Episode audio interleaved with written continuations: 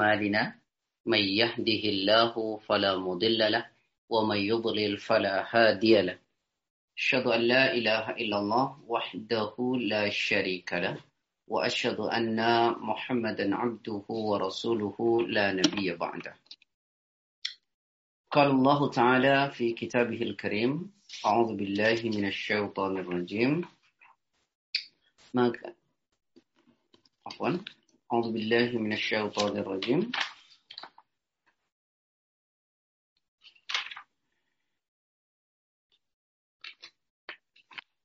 يا أيها الذين آمنوا قوا أنفسكم وأهلكم نارا Alhamdulillah, puji syukur pada Allah karena sungguh atas nikmat, izin serta karunia-Nya pada malam ini waktu Jakarta, Indonesia.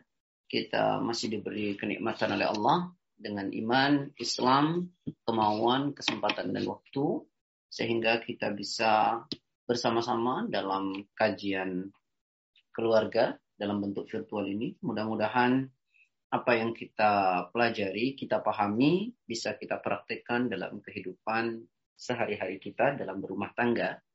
Maka untuk itu seraplah ilmu ini dengan hati. Bukan hanya sekedar memperkaya khasana intelektual kita saja. Uh, Al-ilmu ilman. Ilmu itu terbagi dua. Yang pertama adalah ilmu fil lisan. Ilmu yang berhenti di lisan saja.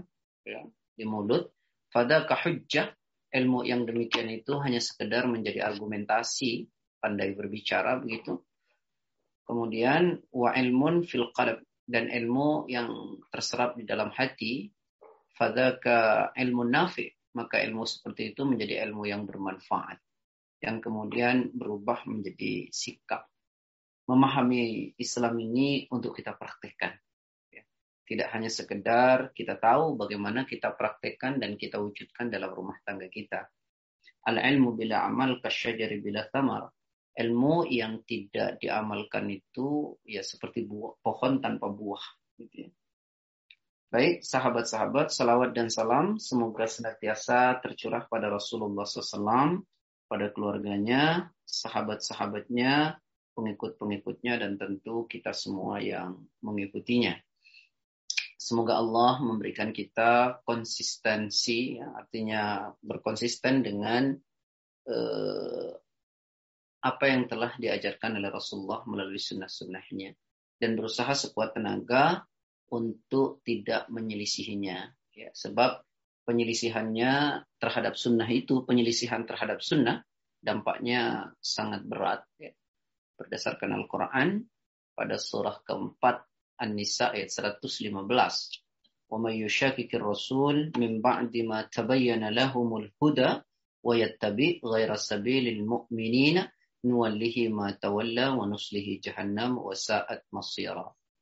Siapa orang menentang Rasul, ya, menentang sunnah, setelah datang penjelasan kepada mereka, dan tetap mengikuti jalan yang bukan jalan orang-orang beriman, kata Imam Syafi'i bukan jalannya para sahabat, maka Allah akan biarkan leluasa dalam kesesatannya dan Allah masukkan ke neraka jahanam dan itu adalah seburuk-buruk tempat uh, kembali.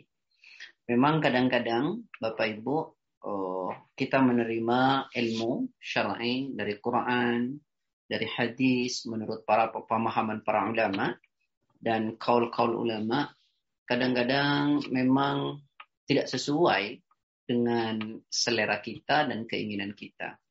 Tapi apa pun itu, bahwa yang disampaikan Quran dan hadis adalah kebenaran. Kalau tidak sesuai dengan selera kita, yang dari awal saya sampaikan mungkin bagi suami tidak sesuai, bagi istri tidak sesuai dengan seleranya, ya sudah sikap kita cuma dua kata saja. Sami'na wa ata'na. Ya saya dengar dan saya akan taati. Karena itu adalah semua kebenaran dan pasti akan membawa kebaikan dunia dan akhiratnya. Jangan seperti mohon maaf ya dalam bahasa Al-Qur'an orang-orang Yahudi yang dia mengerti, dia tahu tetapi karena tidak sesuai dengan seleranya, hawa nafsunya, maka kemudian eh, tidak mau diikuti seperti Allah gambarkan dalam Quran pada surah kelima ayat ke-70 kalau tidak salah Allah taala berfirman laqad akhadna mithaqa bani Israil wa arsalna ilaihim rusulan kullama ja'ahum rasulun bima la tahwa anfusuhum fariqan kadzabu wa fariqan yaqtulun. Dan kami telah mengambil perjanjian dari Bani Israel. Ya, dan kami utus rasul-rasul kepada mereka. Setiap datang rasul kepada mereka membawa kebenaran yang tidak sesuai dengan seleranya, dengan keinginannya, atau mengusik zona nyamannya begitu, maka sebagian rasul itu mereka dustakan dan sebagian lagi mereka bunuh. Kadang-kadang kita ini apa ya, memilih-milih ya memilah-milah. Yang enak, yang sesuai dengan keinginan, kita ambil dan kita jadikan hujah. Yang tidak sesuai dengan keinginan kita, kemudian kita meninggalkannya, bahkan menjauhinya. Ya, bahkan mungkin pura-pura tidak tahu ya. Nah, padahal ketika sudah ditentukan oleh Quran dan Sunnah, maka tidak ada pilihan lain. Ya. Tidak ada pilihan kalau sudah ditentukan oleh Quran dan Sunnah. Ya. Tidak ada pilihan. Nah, ini ini penting untuk dipahami karena ini di akhir sudah berbicara tentang keluarga. Mungkin dari awal bagi bapak-bapak dan ibu-ibu ya ada yang tidak berkenan, tapi semua itu yang anda sampaikan adalah dalilnya. Maka ya sudah, sami'na wa ta'na. Ya. Uh, إنما كان قول المؤمنين إذا دعوا إلى الله ورسوله ليحكم بينهم أن يقولوا سمعنا وأطعنا وأولئك هم المفلحون Sungguh jawaban orang-orang beriman itu jika diseru kepada Allah dan Rasulnya Quran dan Sunnah untuk berhukum di antara mereka, ya saya dengar, saya taat. Itulah orang-orang yang beruntung. Wa anna hadha sirati mustaqiman fattabi'u wa la tattabi'u subula fatafarraqa bikum an sabili dzalikum wasaqum bihi la'allakum tattaqun. Kata Allah, wa anna hadha sirati, sungguh ini adalah jalanku mustaqiman yang lurus, din al-Islam, Al-Quran, Sunnah, ini jalanku yang lurus. Fattabi'u, maka ikutilah oleh kalian. Ikutilah jalannya Quran, jalannya Sunnah, jalan din yang benar nih, ikuti. Insya Allah kita akan membawa kita pada kebaikan dunia dan akhirat. Kalau kita mengumbar dan menginginkan menginginkan hanya mengikuti hawa nafsu, ya karena kita tidak suka, repot nanti, ya repot. Sebab nafsu itu ini juga untuk suami istri. Rasulullah Sallallahu Alaihi Wasallam pernah mengingatkan begini, "Thalathun muhlikat wa thalathun munjiat." Ada tiga macam manusia yang akan celaka dan tiga selamat. Siapa yang celaka itu? Yang pertama adalah syukhun muta. Ya, ini ini yang akan membawa pada kecelakaan. Syukhun muta. Uh, pelit yang dituruti. Ya, kikir dituruti. Ini pahami wahai para suami ya. Ya. Juga kita tentu para istri ya. Suami ya jangan pelit sama istri sama keluarganya gitu. Nah istri juga jangan juga pelit berbagi selama suaminya memberikannya. Syukhun muta. Syukhun muta itu pelit yang dituruti. Walau kadang-kadang secara dasar manusia itu memang punya sifat itu. Sifat apa namanya? Bakhil itu. Ya. Pelit ya Pak ya. Pelit. Eh, bahasa Rasul hadis sahih ya. Khaslatani la tajtami'ani fi mu'minin. Al-bukhlu wa su'ul khuluq. Ada dua sifat uh, yang tidak boleh melekat pada orang yang mengatakan dirinya beriman. Yang pertama adalah al-bukhlu. Apa itu pelit? Ketika orang beriman, dia mengaku beriman ya kehilangan enggak mestinya enggak boleh pelit gitu ya. Dan bahasa Al-Qur'an itu uh, dalam Al-Qur'an indikator ketakwaan seseorang itu adalah dermawan. Surat Al-Imran ayat 134. Alladzina yunfiquna fis sarra'i wad dharra yaitu orang yang menafkahkan hartanya baik lapang maupun sempit gitu ya. Jadi ya jangan bakhil gitu ya. Kemudian uh, di hadis Rasulullah juga menyampaikan berdasarkan hadis dari Abi Malik Al Haris bin Asim Al Ash'ari radhiyallahu an ya di kitab Riyadhus Shalihin hadis nomor 25 Rasul mengatakan at-tuhur syatrul iman alhamdulillah tamla'ul mizan subhanallah alhamdulillah tamla'ani tamla'u ma baina samawati wal ard as-salatu nurun was sadaqatu burhanun was sabru diya Sedekah itu adalah bukti ya tentang keimanan kita, tentang keislaman kita dan ketakwaan kita, yaitu sudah bukti Ya, jadi mari kita jangan bakhil. Yang kedua, kenapa orang itu celaka? Kata Nabi, wahawan mutaba. Hawa nafsunya dituruti. Ya. Kalau kita menuruti hawa nafsu ya sudah dalam rumah tangga apalagi ya kita ikuti hawa nafsu selesai sudah hancur sudah. Karena nafsu itu hanya membawa manusia pada keburukan, ya, pada keburukan. Bahkan kalau kita lihat ya di dalam Al-Quran maupun hadis, ya, menurutkan hawa nafsu itu, mohon maaf ya ini bahasa Al-Quran ya, afwan. Uh, orang akan kehilangan potensi kemanusiaannya. Bahkan orang yang larut dengan nafsu itu kecenderungannya nanti seperti hewan. Ya. Misalnya Allah menggambarkan di dalam Al-Qur'an uh, pada surah ke-7 ayat ke-176 ya Allah taala berfirman begini. Walau syi'na la rafa'nahu biha walakinnahu akhlada ila al-ardi wattaba'a hawa. Famathaluhu kamathalil kalbi. Di Quran ya, surat Al-A'raf, surat yang ketujuh ayat 176. Dan sekiranya, kata Allah, kami menghendaki, kami angkat derajat manusia itu. Dengan apa? Dengan ayat-ayatnya. Jadi kemuliaan itu bisa kita raih saat kita mau hidup dengan din, dengan agama, dengan ayat-ayat Allah. Ya, maka kita akan mulia. Rumah tangga juga akan demikian. Walakinnahu akan tetapi akhlada ilal ardi akan tetapi manusia itu lebih cenderung kepada persoalan duniawi ya wattaba hawa dan larut dengan hawa nafsunya dengan keinginannya yang rendah itu. Maka famathaluhu kamathalil kalbi. Perumpamaan manusia itu seperti binatang. Allah bahkan mengatakan seperti anjing ya mohon maaf ya. Ini Quran loh bahasa Al-Quran. Jadi manusia itu kehilangan potensi kemanusiaannya. Kalau larut dengan hawa nafsu istri larut dengan nafsu suami larut dengan nafsu hancur rumah tangga hancur.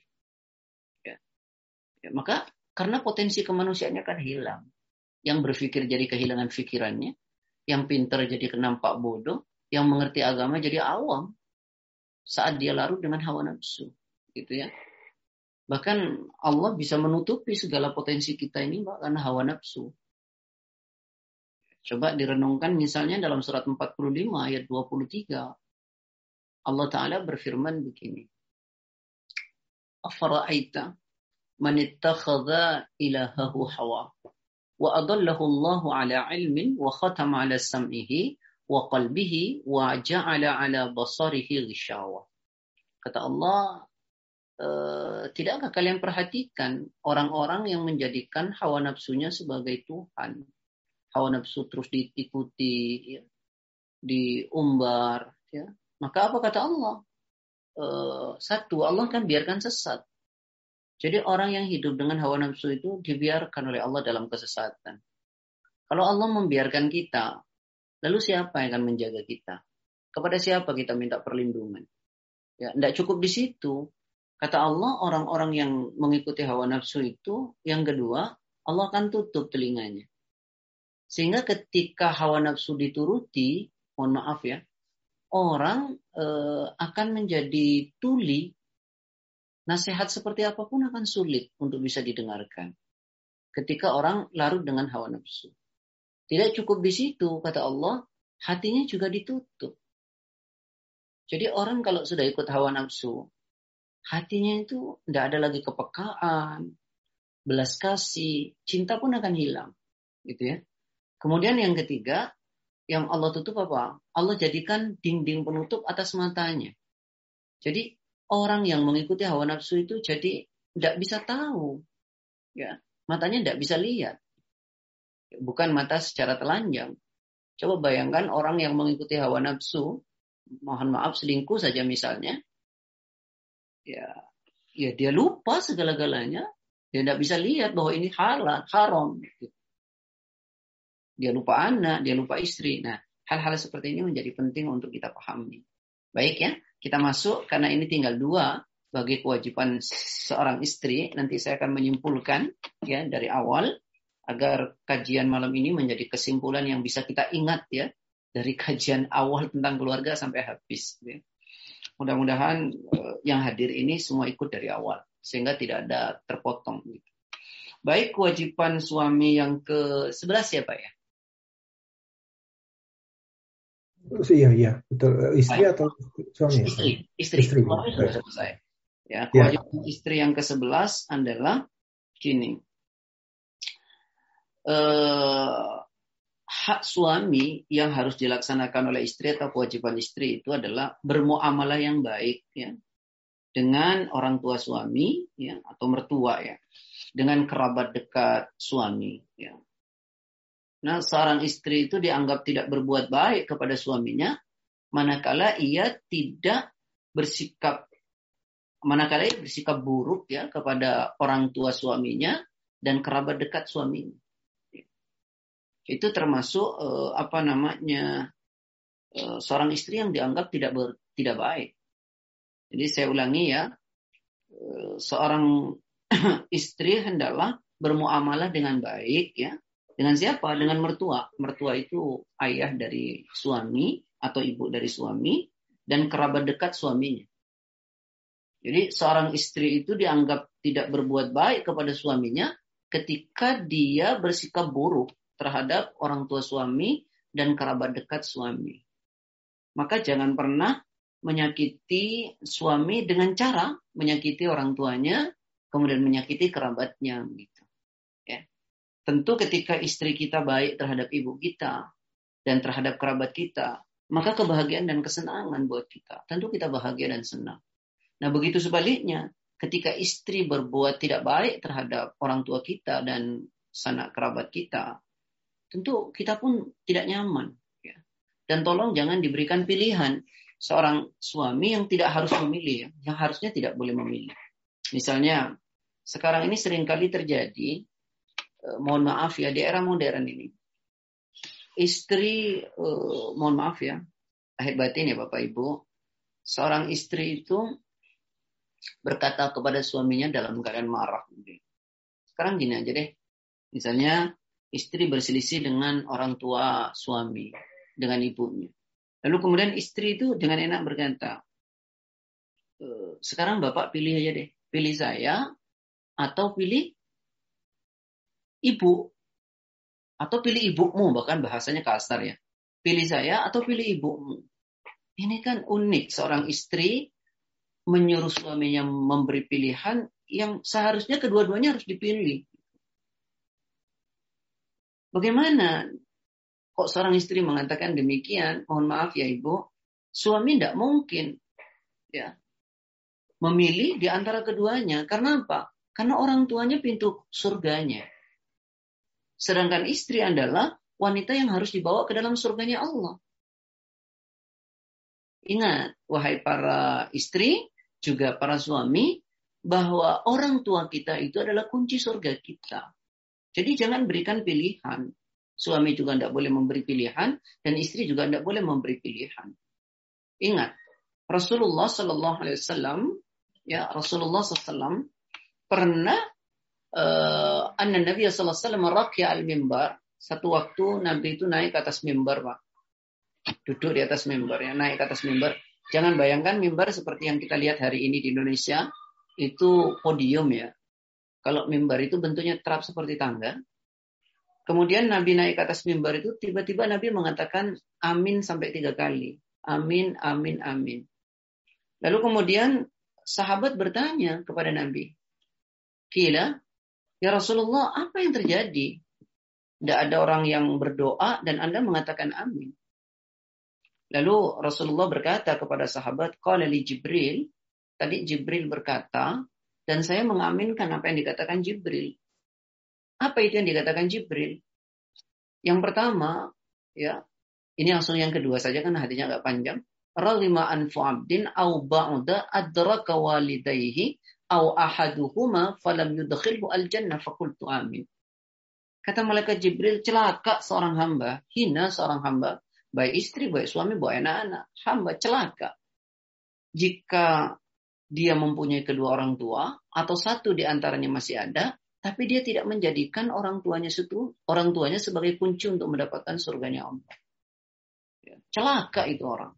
Dia tidak menjadikan orang tuanya sebagai kunci untuk mendapatkan surganya Allah.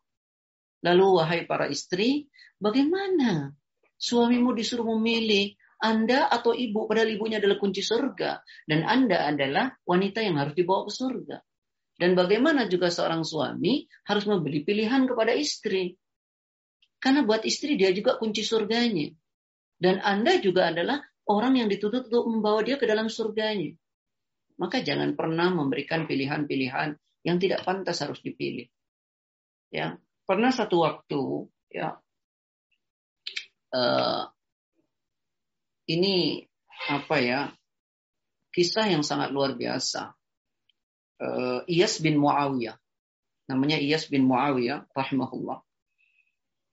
Satu saat ketika ibunya meninggal, ini Iyas bin Muawiyah ini hafal anu Pak, tentu hafal Quran dan banyak mengerti hadis, ahli ibadah, luar biasa lah pokoknya.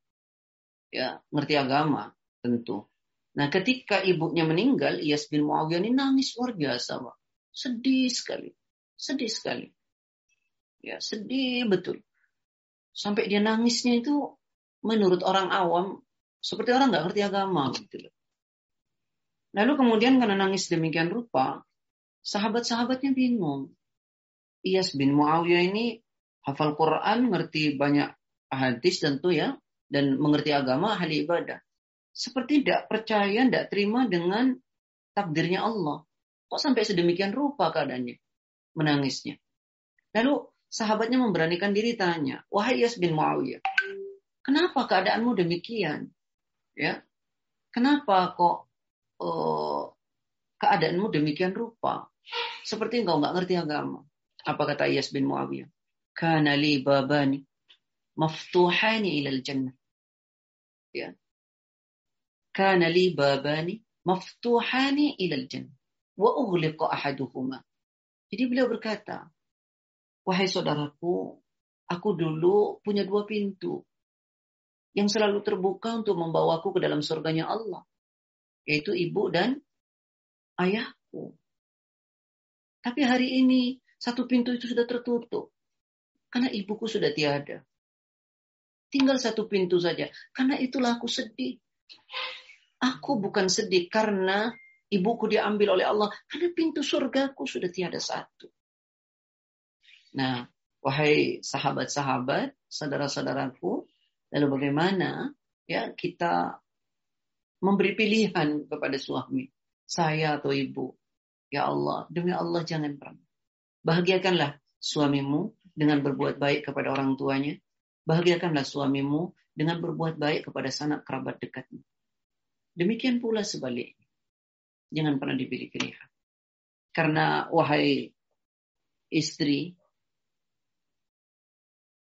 kebaikan apa pun yang dilakukan oleh suamimu kepada ibumu, kepada ibunya maksud saya, kebaikan apa pun yang dilakukan oleh suamimu kepada ibunya, itu tidak bisa membalas apa-apa. Maka justru bersyukurlah Anda sebagai seorang istri ketika mempunyai suami yang berbakti kepada ibu dan bapaknya. Karena dia sedang membuka kunci surganya Allah. Melalui ibu dan bapaknya. Dan Anda akan dibawa ke dalam surganya Allah. Maka berbahagialah. Jangan cemburu terhadap orang tua dari suami Anda. Karena kebaikan apa pun yang dilakukan oleh suami Anda kepada orang tuanya, itu tidak bisa balas apa-apa. Pernah satu saat, ya, seorang laki-laki berasal dari Yaman dan saya kira ibu bapak semua mengerti siapa laki-laki ini ya. Uh, dituturkan dalam sebuah hadis, ya. Jadi pernah satu waktu beliau ini uh, apa namanya tawaf ya, ya tufu tawaf beliau di Ka'bah. Hamala ummahu wara'a dhahri. Ini anak muda dari Yaman ini tawaf di Ka'bah, beliau gendong ibunya. Ya, di punggungnya ini. Gendong. Sambil beliau berkata begini, Inni laha ba'iruha al-mudhallal in ud'irat rikabuha lam ud'ar. Uh, aku ini buat ibuku adalah kendaraannya. Aku ini buat ibuku adalah kendaraan. Beliau memposisikan dirinya sebagai kendaraan buat ibu. Yang selalu tunduk kepadanya ke mana pun ibu mau. Dan kalau penunggangnya ibuku ini merasa khawatir, aku tidak pernah merasa khawatir untuk membawa ibuku ke mana pun. Begitulah seorang anak kepada ibu. Lalu setelah selesai tawaf, ini laki-laki bertanya kepada Ibnu Umar, kepada Abdullah. Apa kata-kata beliau pertanyaannya? Atarani jazaituha. Wahai Ibnu Umar, apa yang kulakukan ini? Apakah sudah bisa membalas budi baik ibuku? Ku bawa beliau dari Yaman, ku gendong, ku bawa tawaf ibuku. Atarani jazaituha. Apakah yang kulakukan ini? Sudah bisa membalas budi baik ibuku. Tahukah wahai para istri dan suami? Jawaban Ibnu Umar, La, wala bizafratin wahidah. Tidak sama sekali. Tidak bisa membalasnya. Walau satu tarikan nafas ibumu ketika melahirkanmu, itu tidak bisa membalasnya. Ini banyak ditulis oleh ulama, salah satunya ditulis oleh Imam Bukhari dalam kitabnya Al-Adab Al-Mufrad. Lalu bagaimana kita mau membatasi kebaikan suami kepada ibunya? Lalu kemudian kita tidak mau berbuat baik. Nah, jadi sekali lagi menjadi kewajiban wahai suami yang wahai istri yang harus ditunaikan adalah ya bermuamalah dengan baik dengan ibu dari suamimu dan kerabat dekat dari suamimu. Ya. Karena itu adalah kebahagiaan buat suamimu. Maka dikatakan dalam kitab Al-Wajiz, ya, dalam kitab Al-Wajiz karya Syekh Abdul Adim bin Badawi Al-Qalafi, seorang istri itu dianggap ya tidak berbuat baik kepada suaminya ketika ia bersikap buruk kepada orang tuanya dan kerabat dekatnya. Ini Masya Allah, tidak ada keindahan itu melebihi saat keindahan kita bersama. Begitu juga suami tentunya, begitu juga suami. Nah, ini kewajiban ya Ibu ya. Nah, kewajiban. Karena tadi Anda sampaikan uh, istri suami tidak bisa balas apa pun kepada orang tuanya. Tidak bisa. Begitu juga istri kita. Tidak bisa membalas apa pun. Maka kita mendukungnya ketika berbuat baik. Jadi seorang suami, seorang istri berbahagialah ketika suaminya itu baik dengan keluarganya. Ya, karena sesungguhnya suami Anda adalah suami yang sedang membuka kunci surganya Allah. Ya. Dan seorang suami juga kita bahagia ketika istri kita baik kepada orang tuanya karena sesungguhnya istri kita juga sedang membuka peluang surga. Ya. Ini indah ya, indah. Yang saya tidak mengerti adalah kita muslim, kita mengaji, kita beribadah, tapi kemudian kita membuka front terhadap keluarga kita masing-masing. Ya, Tahukah kita saat kita memutus tali silaturahim dengan orang tua, ya, mereka itulah orang-orang yang mendapatkan laknat dari Allah dan mendapat kutukan daripada Allah dan bahkan dibutakan dan ditulikan nanti di hari kiamat. Dan neraka adalah tempat yang paling buruk buat orang-orang yang memutus tali silaturahim. Ini Quran. Ya, maka mari kita bangun ya. Oh, bagaimana Ustaz? Kami tinggalnya di luar negeri Ustaz. Orang tua kami uh, di Indonesia Ustaz. Nah, kalau belum bisa pulang karena satu hal dan hal lain. Hari ini terlalu banyak media untuk kita bisa gunakan berkomunikasi dengan orang tua kita. Jangan sempat bikin orang tua kita menangis karena kerinduannya terhadap kita. Saya ulangi, jangan sempat bikin orang tua kita menangis karena rindu kepada kita. Teleponlah. Kenapa? Karena kata Rasulullah, buka walidaini minal uquqi wal kabair. Tangisnya orang tua itu. Karena apa yang kita lakukan dan kita katakan adalah bentuk kedurhakaan dan dosa besar.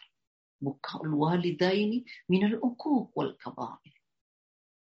Dulu di zaman Nabi, ada seorang anak muda datang kepada Rasulullah. Ya Rasulullah, bayat aku ya Rasul. Dia minta dibayar untuk hijrah, untuk hijrah ke Madinah. Tapi beliau tinggalkan kedua orang tuanya. Ya bukian dalam keadaan menangis. Apa kata Rasulullah? Irji ilaihima. Kembali kamu kepada orang tuamu. Wa adhikhuma kama abkaitahuma. Buatlah orang tuamu tersenyum, buatlah orang tuamu bahagia sebagaimana kau telah buat orang tuamu menangis. Ingat ya, wahai istri, wahai suami. Ya.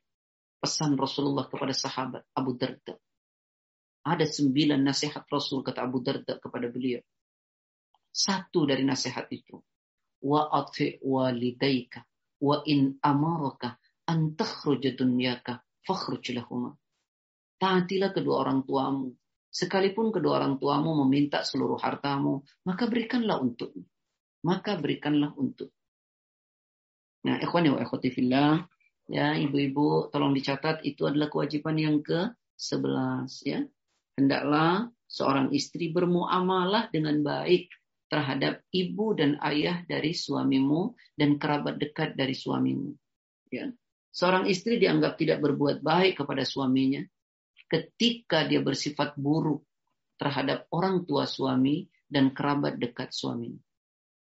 Kebahagiaan mereka karena apa yang dilakukan oleh istri sungguhlah pahala yang besar bagi seorang istri. Ya, baik Bapak Ibu yang dirahmati oleh Allah. Sekarang kewajiban yang ke-13 ya. Bagi seorang istri direnungkan baik-baik ya. Hendaklah seorang istri, mohon maaf ya ini bahasnya mungkin kurang enak ya. Eh, seorang istri tidak boleh menolak ajakan suami. Ya. Bila suami mengajaknya. Ya. Jadi seorang istri tidak boleh menolak ajakan suami jika suami berhajat gitu ya. Tidak boleh menolak. Ustaz, kadang-kadang kami capek Ustaz. Kadang-kadang kami lelah. Kadang-kadang kami tidak mood. Di awal dulu, kajian pertama saya tentang membangun rumah tangga. Masih ingat yang empat hal? Bapak Ibu? Ya. Apa itu salah satunya? Saling mau berkorban untuk memberikan kebahagiaan pada pasangan masing-masing. Apa sulitnya? Memang mungkin lagi lelah, lagi capek, lagi tidak mood. Berkorbanlah sedikit demi kebahagiaan suami kita. Dan juga tidak berat bagi seorang suami berkorban sedikit demi kebahagiaan istri. Bahkan Rasulullah SAW pernah mengatakan, "Idza da'ar rajulu imra'atahu ila firashik, falam ta'tihi, fabata ghadban 'alayha, la'anatha al-malaikatu hatta tusbih." Coba renungkan baik-baik ya. Ida da'ar rajulu imra'atahu. Jika seorang suami memengajak istrinya ila firashi ke tempat tidurnya. Falam ta'tihi. Lalu kemudian dia tidak mendatangi suaminya.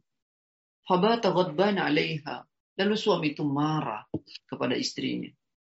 Ya. La'anat hal malaika. Maka wanita itu dilaknat oleh malaikat. Hatta tusbih. Sampai datangnya waktu pagi.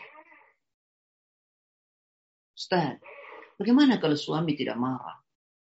Misalnya suaminya bertanya dan beliau mengatakan ridho tidak marah, mungkin tidak apa-apa, tapi kita tidak pernah tahu yang tersimpan dalam hatinya. Maka yang terbaik adalah mari kita berkorban sedikit untuk kebahagiaan pasangan kita masing-masing.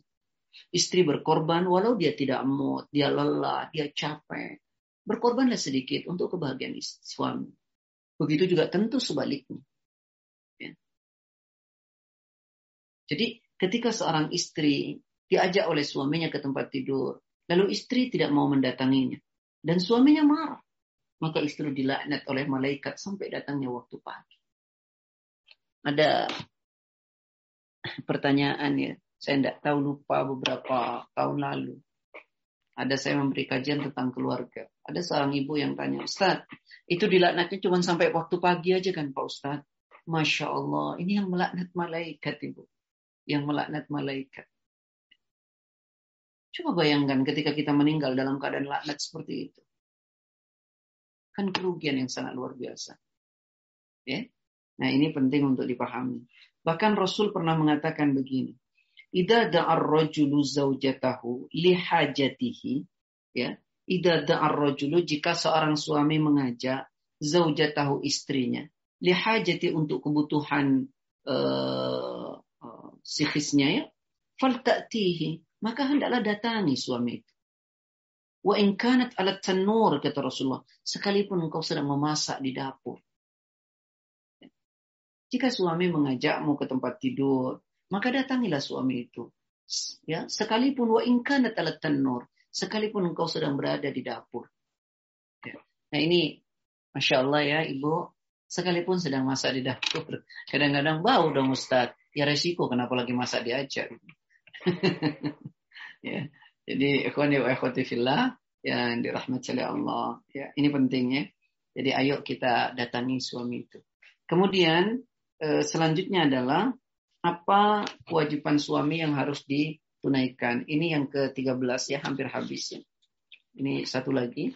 Eh, hendaklah seorang apa namanya istri ya menyembunyikan rahasia suami rahasia suaminya dan rahasia rumah tangganya.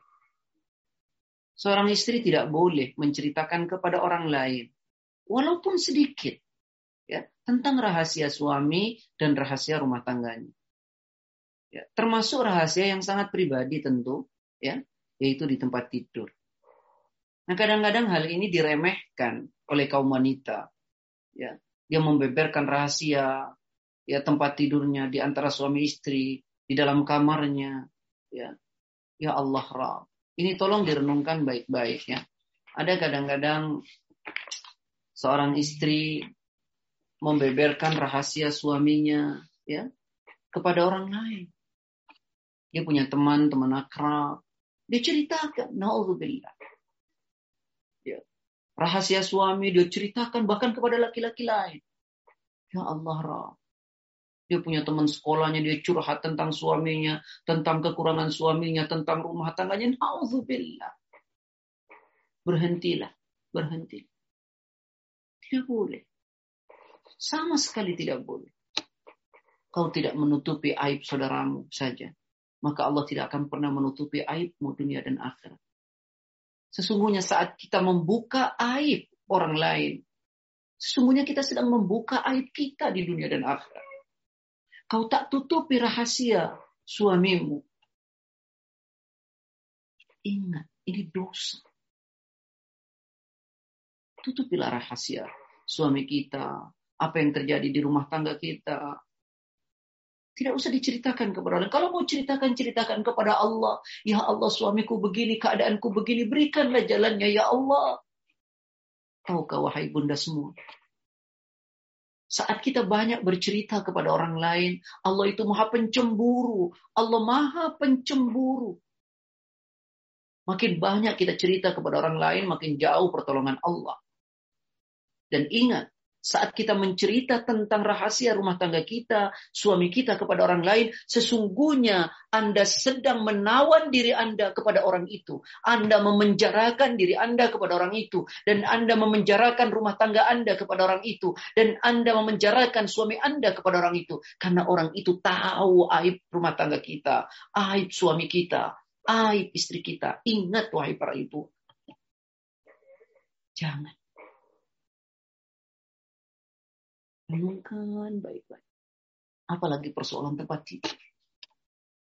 Pernah satu waktu hadis ini dari Asma binti Yazid. Hadisnya begini. An Asma binti Yazid annaha kanat 'inda Rasulillah Rasulullah sallallahu alaihi wasallam. Jadi kata Asma bin Yazid, satu waktu beliau ini annaha sesungguhnya Asma bin Yazid kanat 'inda Rasulullah sallallahu alaihi wasallam. Beliau berada di sisi Nabi Muhammad sallallahu alaihi wasallam ya. Dikatakan warrijalu wan nisa'u qu'udun. Ada sekelompok laki-laki duduk laki-laki dan sekelompok perempuan duduk-duduk dengan perempuan.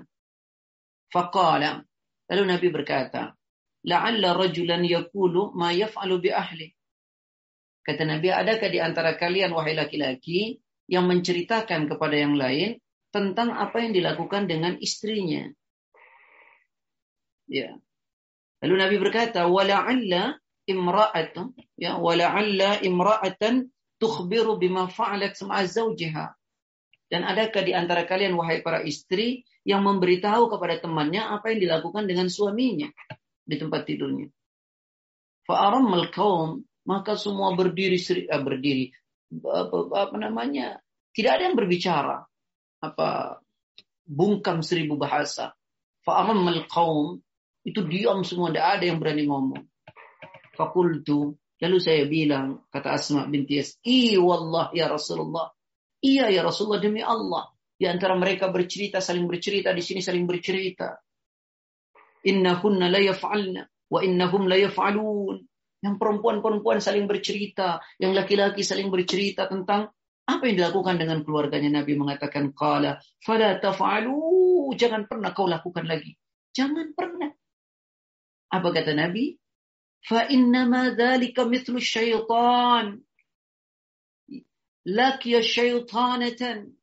Sungguh engkau melakukan demikian itu kata Nabi seperti setan laki-laki yang bertemu dengan setan perempuan fi di jalan raya faghasyiyaha wannasu yanturun lalu mereka melakukan hubungan dan disaksikan oleh banyak manusia begitulah saat kita seorang istri bercerita tentang apa yang dilakukan dengan suaminya dan suami bercerita tentang apa yang dilakukan dengan istrinya kepada orang lain. Itu seperti setan laki-laki dan setan perempuan yang bertemu di tengah jalan lalu dia bersenggama dan dilakukan oleh orang banyak. Dia buka rahasia itu. Dia buka tabir itu. Nah, maka yuk berhenti betul. Berhenti ya. Jangan bercerita pada persoalan seperti ini kepada teman. Juga tentang kekurangan suami kita. Kekurangan istri kita. Ingat, saat suami menikahi istri dan Anda istri dinikahi oleh suami Anda. Maka suami Anda, Anda tahu semua isinya. Dan apakah itu pantas kemudian kita ceritakan kepada orang lain kekurangan itu? Wallah tidak. Masih ingat kemarin Anda sampaikan. Tentu suami kita punya kekurangan kok. Tentu istri kita juga punya kekurangan. La yafruq mu'minun mu'minatan in kariha minha khuluqan radhiya minha akhar. Janganlah seorang suami membenci istri atau sebaliknya. Karena pada pasanganmu terdapat keburukan akhlak. Ingatlah bahwa pada keduanya atau pasanganmu masih menyimpan banyak akhlak baiknya. Walaupun ini kadang-kadang berat. Ekspektasi kita yang salah kadang-kadang ya. Apalagi anak-anak muda sekarang, ini tolong sampaikan ya. Menikah dengan ekspektasi yang terlalu tinggi apa ekspektasinya dalam menikah itu seperti surga Firdaus. Gitu. Sehingga ketika ada gujelakan sedikit cobaan, saya udah nggak sanggup. Seperti itu. Pahamilah bahwa ketika kita menikahi seorang suami, suami itu ada kekurangan dan kelebihannya. Ya. Dan ketika kita mau menikah dengan seorang laki-laki yang hanya punya kelebihan, kok saya yakin ya di zaman sekarang rasanya nggak pernah bisa menikah. Karena tidak ada orang yang hanya punya kelebihan, tidak punya kekurangan. Sama dengan seorang suami yang ingin menikahi istri yang empat-empatnya melekat pada istrinya. Cantik, keturunannya baik, kaya, agamanya baik.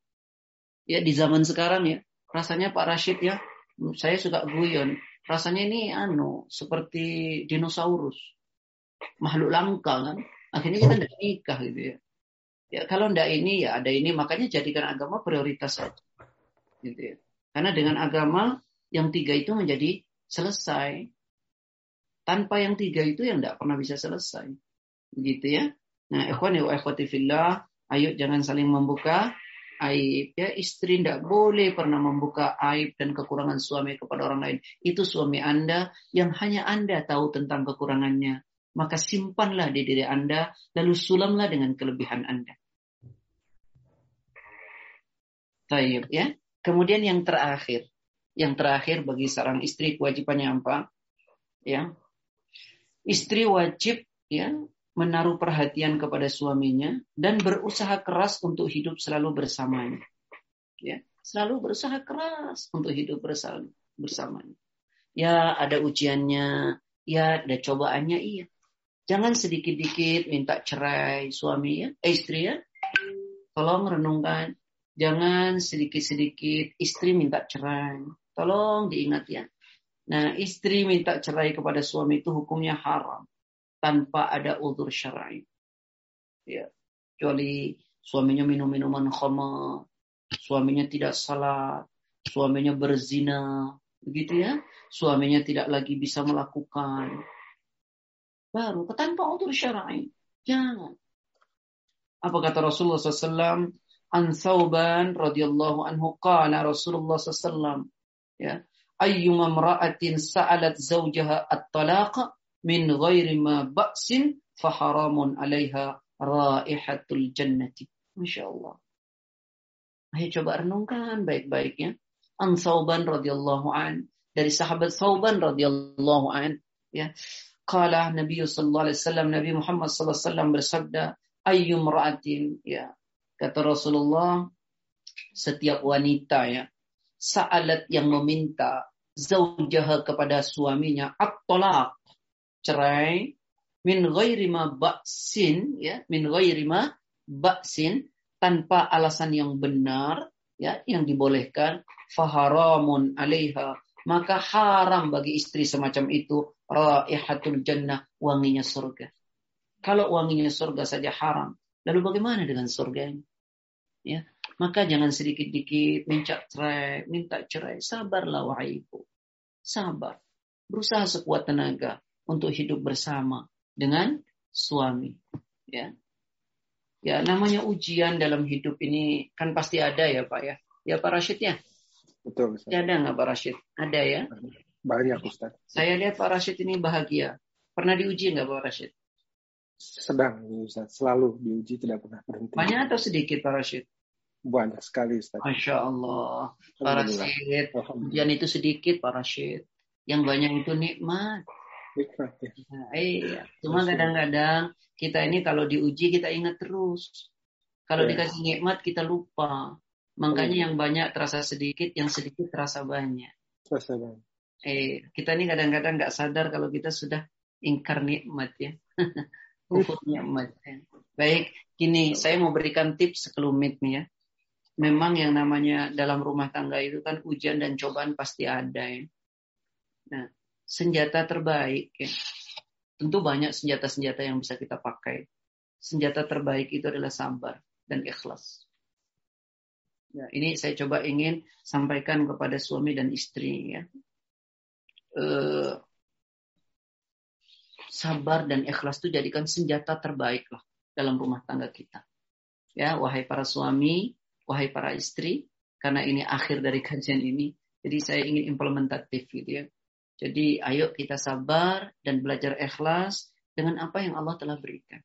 Karena begini, satu yang perlu kita pahami ya, agar kita bisa sabar dan ikhlas. Ini satu ya, agar kita bisa sabar dan ikhlas. Catat baik-baik. Yang pertama, ayo kita sadar betul bahwa hidup di dunia ini cuma sebentar.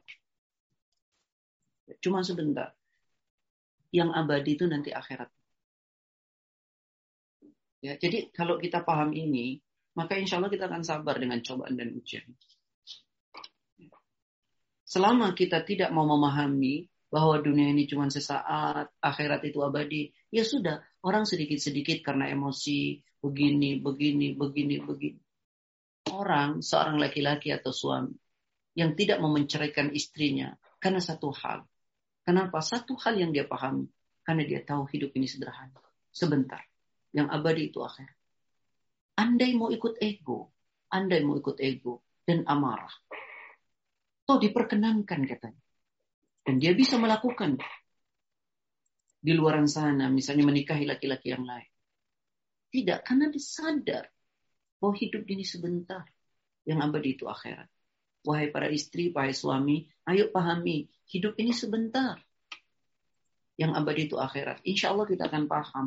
Insya Allah nanti kita akan mengerti dan insya Allah kita akan menjadi orang yang sabar. Coba bagaimana sih kita mau terpancing dalam hidup ini? Memutuskan sesuatu tergesa-gesa. Dengan emosi, dengan amarah. Padahal kita tahu betul hidup kita begitu sangat singkatnya. Seperti misalnya ya, coba renungkan satu ayat dulu dalam Quran. Pada surah ke-23, ayat 112 sampai 115. Ini tip di ujung ya. Bahwa dalam rumah tangga itu cobaan dan ujian harus selalu ada, kata Pak Rashid tadi. Maka kemudian senjata terbaiknya adalah sabar. Nah, cara sabar dan ikhlas itu yang pertama mesti kita lakukan, ayo kita paham hidup di dunia ini sementara, yang abadi di akhirat. Insya Allah akan membawa kita pada uh, uh, sabar dan ikhlas nanti. Coba renungkan ayat ini, ya surat 23 ayat 112 sampai 115. Saya pengen Pak Rasid yang baca maknanya. Qala kam labistum fil ardi adada sinin? Qalu labisna yawman aw ba'da yawm. Fas'alil 'adin. Qala illa bistum illa qalila. Law annakum kuntum ta'lamun. Monggo Pak Rashid Allah bertanya berapa tahunkah lamanya kamu tinggal di bumi mereka menjawab kami tinggal di bumi sehari atau setengah hari maka tanyakanlah kepada orang-orang yang menghitung Allah berfirman kamu tidak tinggal di bumi melainkan sebentar saja kalau kamu sesungguhnya mengetahui. Coba renungkan. Berapa ya. lama sih kalian tinggal di dunia ini kata Allah? Mereka menjawab sehari atau setengah hari. Apa kata Allah? Tanyakan kepada mereka yang berhitung, yang katanya sehari atau setengah hari. Allah bilang, illa bistum illa qalila. Akan tetapi kalian hidup di dunia ini hanya sedikit, sebentar. Lau annakum kuntum ta'lamun. Seandainya kalian ngerti. Masa kita mau ndak sabar? Mau ndak ikhlas? Kita ini sebentar loh hidup di dunia. Jangan pernah tukar kebahagiaan abadi di akhirat dengan kebahagiaan di dunia yang sementara ini. Mengikuti nafsu, selesai. Hidup di dunia ini sebentar yang abadi di akhirat. Insya Allah kalau kita paham ini, kita sabar. Kita ikhlas menerima apa yang Allah berikan. Ya tidak apa-apalah kalau ternyata ini akan membawa saya ke dalam surganya Allah.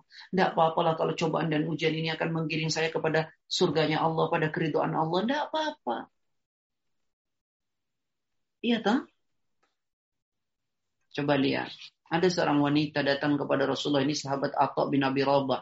Beliau beri, diberitahu oleh sahabat Ibnu Abbas. Ala urika imra'ah min akhlil jannah. Mau nggak kamu kuberitahu tentang seorang wanita yang akan menjadi penghuni surga?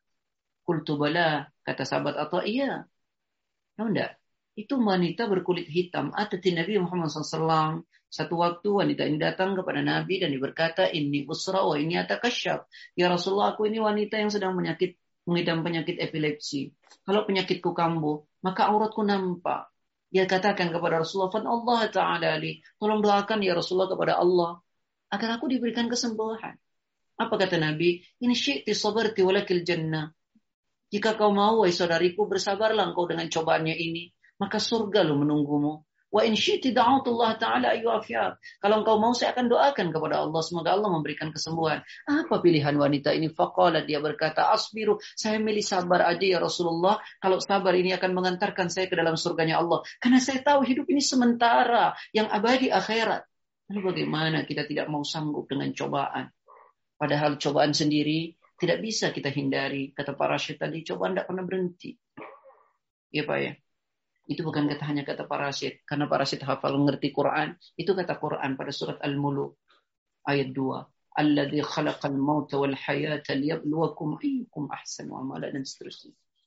Nah ini tolong direnungkan. Jadi saat kita diuji di rumah tangga kita, cobaan itu datang, jangan cepat-cepat mengatakan saya sudah nggak sanggup, saya nggak bisa, saya mau selesai saja. Tolong perhatikan baik-baik. Hidup ini sebentar. Yang abadi itu akhirat. Belum lagi kita berpikir efek negatifnya. Bagaimana dengan anak-anak? Walaupun percaya itu boleh, boleh. Saya mengatakan bukan tidak boleh. Tapi saat cobaan ini datang, jangan mengambil keputusan seperti itu. Jangan cepat-cepat seperti itu. Ya, pakailah jubah sabar agar kita sabar, ayo kita pahami hidup ini sementara, yang abadi itu akhirat. Coba buka lagi Quran surat 57 ayat 20. Ya'lamu annamal hayatud dunya la'ibun wa lahwun wa zinatu wa tafakhurun bainakum wa takathurun fil amwali wal awlad كمثل غيث أعجب الكفار نباته ثم يهيج فتراه مصفرا ثم يكون خطاما وفي الآخرة عذاب شديد ومغفرة من الله ورضوان وما الحياة الدنيا إلا متاع الغرور Kata Allah, ketahuilah kehidupan dunia itu hanya permainan kok. Masa kita terbawa arus? Dan senda gurau, perhiasan, saling berbangga-bangga di antara mereka tentang harta dan anak. Kata Allah semua itu seperti air yang turun dari langit. Lalu dengan air itu tumbuh-tumbuhan tumbuh subur mengagumkan. Lalu datang musim kering. Lihat warnanya menguning. Kemudian hancur. Lalu apa kata Allah? Di akhirat itu cuma ada dua pilihan. Apa itu? Satu ampunan dan keridoan Allah. Yang kedua azab Allah. Mana yang mau kita ambil? Tergantung kita hari ini di dunia. Mau azab Allah, mau ampunan Allah, mau keridoan Allah, tergantung hari ini kita di dunia. Renungkan ini baik-baik. Ya, lalu kemudian eh, di ujung itu Allah mengatakan tidaklah kehidupan dunia ini kecuali sesuatu yang melalaikan, menipu. Masa iya sih kita sudah tahu seperti ini, kita masih mau tertipu. Lalu mengambil keputusan, tergesa-gesa, tidak ada kesabaran, tidak ada keikhlasan dengan takdir Allah yang terjadi. Nah, pakailah juga sabar. Nah, untuk sabar pahami dulu hidup ini sementara, yang abadi akhirat. Tidak apa-apa deh saya diuji sementara di dunia, kalau nanti saya akan mendapatkan kebahagiaan abadi di akhirat. Yang kedua, agar kita bisa bersabar dan ikhlas ya dalam setiap cobaan yang menimpa diri kita baik dalam rumah tangga maupun yang lainnya. Yang kedua, tolong perhatikan. Dunia ini memang tempatnya ujian. Ya. Dunia ini memang tempatnya ujian, baik ujian yang baik maupun ujian yang buruk. Dan semua hasil dari ujian ini akan dimintai pertanggungjawaban oleh Allah. Saya sering bilang begini, para syed dulu kuliah tahu di tempat kuliah pasti ada ujian ya Pak ya? Ya. Pasti. Parasit marah enggak saat ada ujian? Enggak, Ustaz. Enggak. Kenapa? Karena sudah tahu. Ya, Kalau saya sekolah, saya kuliah pasti ada ujian. Nah, mesti kita paham dan kita tahu. Dunia ini tempatnya ujian. Kalau nggak mau ujian, ya jangan sekolah, jangan kuliah ya. Nah, sekarang kita nggak mau ujian di, di dunia ini. Maka jangan Hidup ini adalah ujian, nggak mau diuji ya jangan, mohon maaf ya, jangan hidup. Oh, saat kita hidup sendiri, ada ujian? Ada. Saat kita berumah tangga, maka ujiannya pasti nambah. Karena dua orang punya anak, ujiannya nambah. Lalu bagaimana tidak mau diuji? Wong dunia ini memang tempatnya ujian. Nanti kalau kita tahu itu kita jadi sabar. Oh iya ya, memang ini tempatnya ujian dunia ini. Allah yang bilang, coba buka surat Al-Muluk. Alladhi khalaqal mauta ayat 2 wal hayata liyabluwakum ayyukum ahsanu amala. Dialah Allah yang telah menciptakan mati dan hidup. Untuk apa? Untuk menguji kalian. Ya, hidup sendiri ujian. Berumah tangga ujiannya nambah. Punya anak ya nambah lagi ujiannya. Ini ujian. Makanya kenapa Allah ingatkan. Coba renungkan Quran surat 64 ayat 14 sampai 15. Ya ayyuhalladzina amanu inna min azwajikum wa auladikum aduwan lakum fahdharuhum wa in ta'fu wa tasfahu wa taghfiru fa inna Allah ghafurur rahim. Innama amwalukum wa auladukum fitnah apa kata Allah? Hai orang-orang yang beriman, sungguh di antara siapa?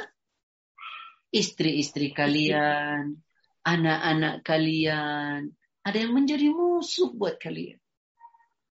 Nah, jika kau maafkan, kau berlapang dada terhadap mereka. Kau santuni mereka. Allah maha pengampun lagi maha penyayang. Sesungguhnya hartamu, anak-anakmu adalah cobaan. Dan di sisi Allah lah pahala yang besar. Ayo kita renungkan. Jadi saat cobaan datang dalam rumah tangga kita, ayo sabar dan ikhlas. Nah, agar kita sabar dan ikhlas, kita mesti tahu, ya hidup ini memang cobaan. Ya berumah tangga ya ada cobaan. Ya anak jadi cobaan. Ya istri jadi cobaan. Ya suami jadi ujian. Nah, ini yang tidak dipahami. Sehingga orang begitu cepat mengambil keputusan yang salah tanpa ada kesabaran. Karena tidak ngerti. Kalau hidup memang ya ujian. Coba tadi para syed diuji nggak tadi sama Allah? Diuji ya Ustadz lama nggak masuk masuk sampai di telepon, sampai di telepon, masya Allah. Ujian kan ini kan ujian, ya Pak Fajar, Pak Fajar Taufik, Pak Adek Fajar Taufik nunggu-nunggu kajian belum mulai-mulai. Bahkan di WA saya banyak, Pak. Ustaz kok kajian belum mulai, kajian belum mulai katanya. Iya, Ana mohon maaf tadi Ana di musola. Kebetulan selesai di musola ada yang nyamperin bertanya. Saya tidak mungkin saya tinggalkan. nah, ini ikhwani wa ikhwati fillah. Ya, jadi tolong direnungkan ya dunia ini memang tempatnya ujian. Jadi saat kita diuji ya memang sudah tempatnya. Ayo rumah tangga ini saat sendiri kita dulu ujiannya ada. Dalam rumah tangga pasti lebih ada lagi. Ada anak tambah lagi. Inilah kenapa jadi apa namanya pahala besar buat kita. Kalau kita sabar, masya Allah, sabar nih pahalanya balasannya tanpa batas. Surat Az-Zumar 39 ayat 10. Innama yuwaffas sabiruna ajrahum bighairi hisab. Jadi sabar ini masya Allah makanya berat, makanya berat. Jangan dikit-dikit cerai lah, dikit-dikit cerai ya istri, wahai para ibu salehat, ya Jangan sedikit-sedikit cerai, sedikit-sedikit cerai. Tidak mencium baunya surga. Tidak mencium baunya surga. Nah, ikhwani wa ikhwati fillah yang dirahmati oleh Allah Subhanahu wa taala. Ini direnungkan baik-baik ya. Direnungkan baik-baik. Jangan sampai kemudian kita karena tak mengerti ini sehingga kita kehilangan sabar. Ya. Kehilangan kehilangan sabar kita. Tolong direnungkan ya kembali. Ibu-ibu yang dirahmati oleh Allah Subhanahu wa taala. Kemudian Bapak Ibu yang ketiga, gimana caranya agar kami ikhlas Ustaz? Agar kami sabar Ustaz? Yang ketiga, renungan, berimanlah, percayalah bahwa semua yang terjadi ini di rumah tangga kita itu sudah tertulis kok di lauhil mahfuz. Ya, sudah takdir Allah. Ya, sudah takdir Allah. Sudah tertulis semuanya di lauhil mahfuz. Makanya Allah katakan dalam Al-Quran pada surat 57 kalau tidak salah ayat 22 sampai 23. Ya. Ma min musibatin fil ardi wala fi anfusikum illa fi kitabin min qabli an nabra'aha inna dhalika 'ala Allah yasir. لكي لا تأسوا على ما فاتاكم ولا تفرحوا بما آتاكم والله لا يحب كل مختال فخور tidak ada satu musibah yang terjadi di muka bumi ini. Dan yang menimpa diri kalian, kata Allah. Kecuali semuanya sudah tertulis di kitab Allah di lauhil mahfud sebelum diwujudkan. Sungguh yang demikian itu mudah. Makanya Allah kasih tahu apa ya selanjutnya. Agar kalian tidak terlalu bersedih dengan apa yang luput dari kalian. Dan kalian tidak terlalu senang dengan apa yang kalian raih. Allah tidak menyukai orang-orang yang melampaui batas. Nah jadi kita mesti paham bahwa ujian yang menimpa kita ini sudah ada dalam catatan Allah. Makanya kata Syekh Abdul Adim bin Badawi Al-Khalafi, salah satu sabar itu adalah terhadap takdir-takdir Allah. Sabar kita terhadap takdir Allah. Ya di rumah tangga diberikan cobaan ini ya sudah. Ya ini takdirnya Allah. Bukankah Allah mengatakan saat Allah memberikan takdir yang mungkin tidak enak menurut kita, ayo kita belajar berpikir positif. Asa an takrahu syai'an wa khairul lakum. Wa asa an tuhibbu syai'an wa syarrul lakum. Wallahu ya'lamu wa antum la ta'lamun. Apa kata Allah? Boleh jadi yang kalian anggap tidak baik. Jangan-jangan itu yang terbaik menurut Allah. Dan boleh jadi yang kita anggap terbaik, jangan-jangan tidak baik menurut Allah. Allah maha mengetahui yang terbaik buat kita. Sedangkan kita nggak ngerti apa-apa. Siapa yang tahu? Allah. Berpikirlah positif dengan cobaan yang terjadi di rumah tangga kita. Mungkin anak kita, mungkin suami kita, mungkin istri kita. Ya, ayo berpikir positif. Ya, jadi cobaan ini, ibu-ibu, eh, semuanya sudah tercatat dalam kitab Allah. Di lauhil mahfud. Makanya kemudian eh, kini kita memang harus memperbaiki gitu ya Nah, maka ayo sekuat tenaga kita lakukan kebaikan-kebaikan, komunikasi yang baik, lalu berdoa kepada Allah. Ya, yang kencang. Jadi kalau ada masalah itu yang paling enak, yuk kita sholat tahajud yuk. Kita minta petunjuknya Allah. Jangan sekarang nih, kita lagi marah nih. Jangan sekarang bicara. Jangan. Nanti lepas kontrol. Ya, jangan memutuskan sesuatu dalam keadaan emosi. Coba nanti kita sholat malam, kita minta petunjuk kepada Allah. Harus apa kita? Harus apa kita? Sehingga nanti ketemu jalannya. Kalau sudah emosi, karena dalam saat emosi, kita ingin menyelesaikan masalah, logika kita nggak jalan. Saat kita emosi menyelesaikan masalah, ilmu agama yang kita pahami itu tidak fungsi. Lepas itu semua. Kenapa? Kata Imam Ibnu Qayyim, setan itu akan menunggangi kita dalam kondisi marah. Itu kesempatan bagi setan. Nah, sahabat-sahabat, eh, kajian paduka di mana pun berada. Kemudian yang keempat, begini, agar kita bisa bersabar ya. Agar kita bisa bersabar, ayo begini. Eh, kita mesti paham bahwa ujian yang Allah berikan, baik kita secara personal maupun dalam rumah tangga, itu sebenarnya Allah sedang mengukur tingkat kekuatan iman kita. Kuat nggak nih iman kita? Nah sekarang ini banyak orang diuji oleh Allah tidak sanggup dengan iman itu. Sehingga mencari jalan keluar, mohon maaf ya saya sering menyebutnya begini. Menyelesaikan masalah dunia dengan mendatangkan masalah akhirat. Paham maksudnya ya? Ibu-ibu, menyelesaikan masalah dunia dengan mendatangkan masalah akhirat. Di rumah tangganya ada masalah keruh bermacam-macam lah. Lalu dia selingkuh mencari kesenangan di luar. Ini kan menyelesaikan masalah dunia dengan mendatangkan masalah akhirat. Tidak tahu. Itu dijadikan alasan oleh banyak orang. Padahal Allah kasih ujian buat kita itu justru mengukur Allah mengukur kekuatan iman kita malah ini dijadikan alasan kan aneh habis kamu begini, habis kamu begini, habis kamu begini. Ini bagaimana? Padahal Allah mengasih ujian itu untuk mengukur tingkat, tingkat kualitas keimanan kita. Malah kita balik sekarang. Karena kamu jadi begini, karena kamu begini. Nah, ikhwani wa ikhwati fillah, coba buka Quran surat 29 ayat 2 dan 3. Ahasiban nas ayyutraku ayyakulu amanna wa hum la yuftanun. Min qablihim Fala ya'lamanna Allah alladhina sadaqu wa la ya'lamanna al-kadibin. Monggo Pak Rashid. Uh, ya, apakah manusia itu mengira bahwa mereka dibiarkan saja mengatakan kami telah beriman, sedang mereka tidak diuji lagi?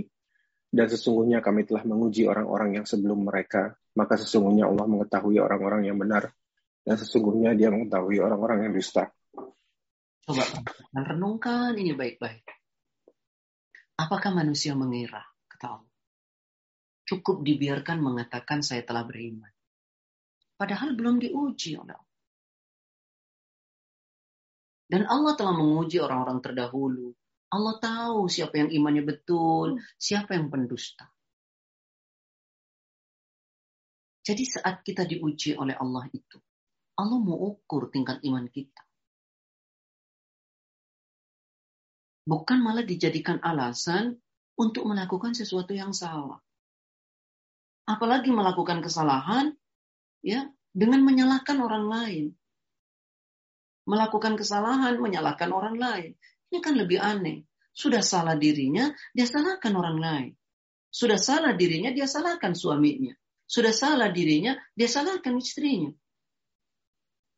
Tahukah, saat cobaan itu datang di rumah tangga, Allah ukur tingkat iman kita.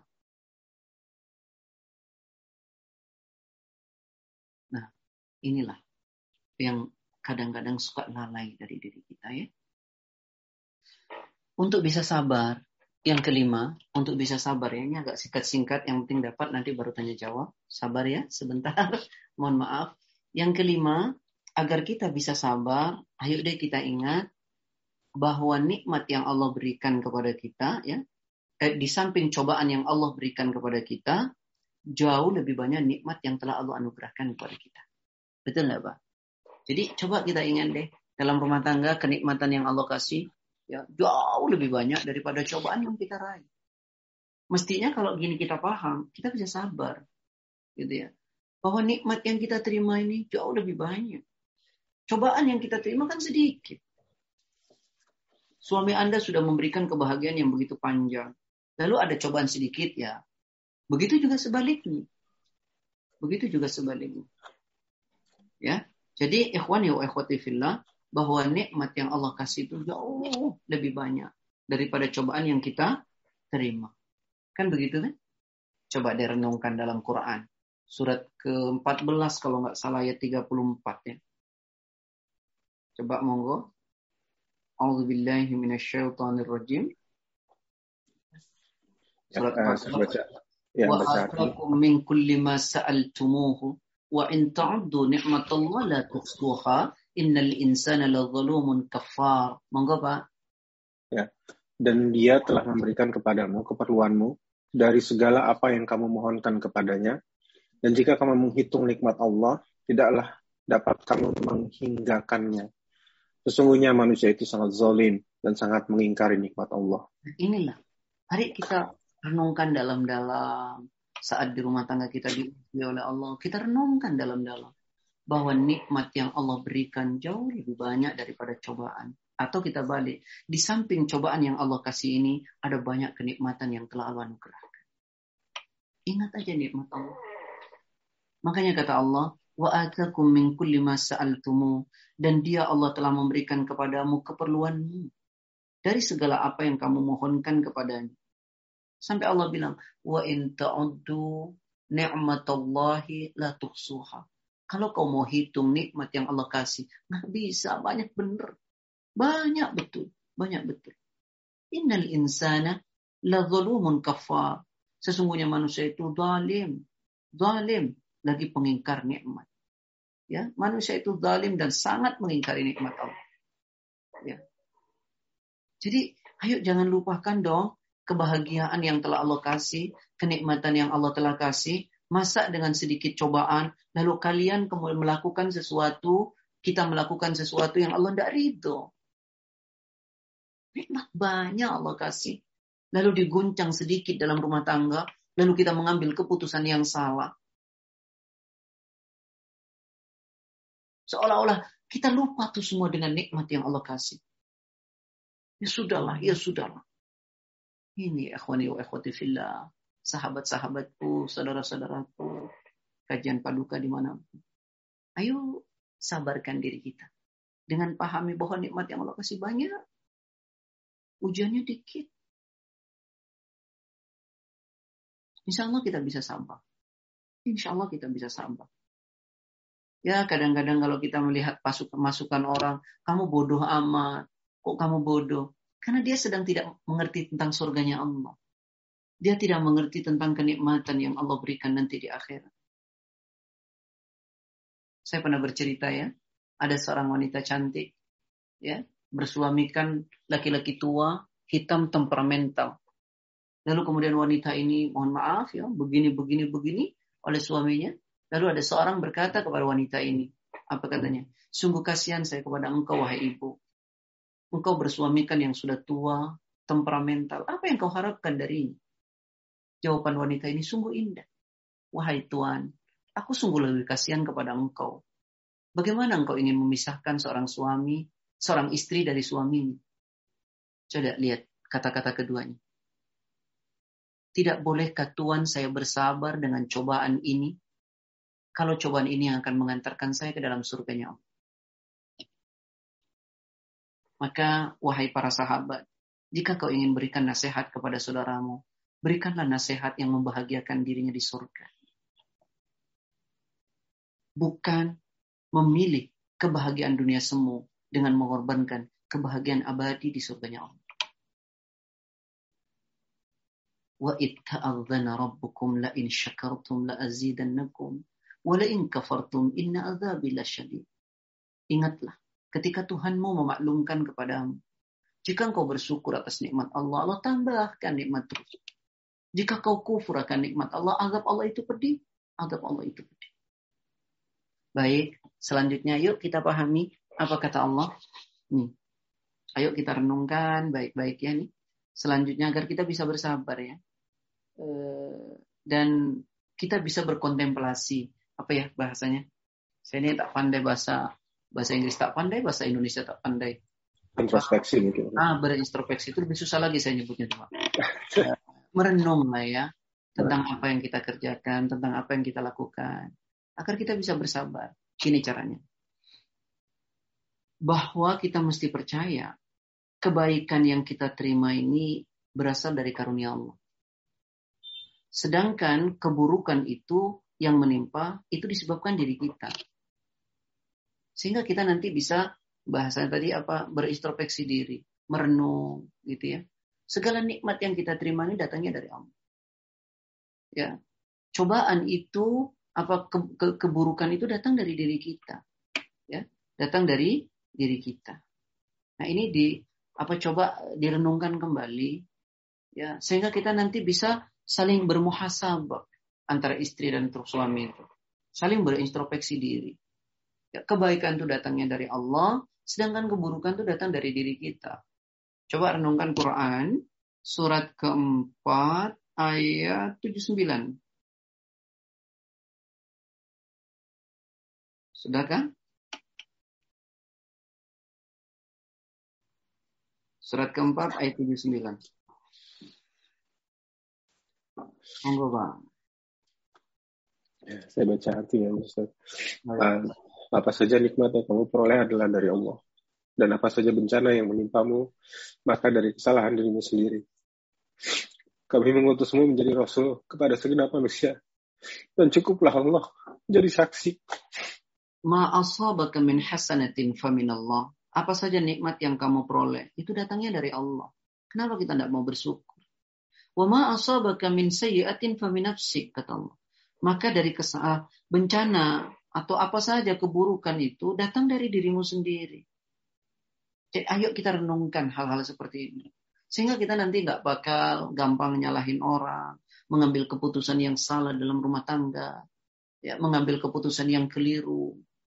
Ya. Karena ayo kita pandai nih berintrospeksi diri, bermuhasabah. Oh iya ya, oh iya ya, oh iya ya, begitu. Sehingga keputusan-keputusan yang keluar nanti dari diri kita, insya Allah semuanya baik. Ya. Ya. Dan ingat, cara bersabar selanjutnya agar kita bisa bersabar nih, ayo renungkan baik-baik ya. Untuk masuk surga itu tidak gampang.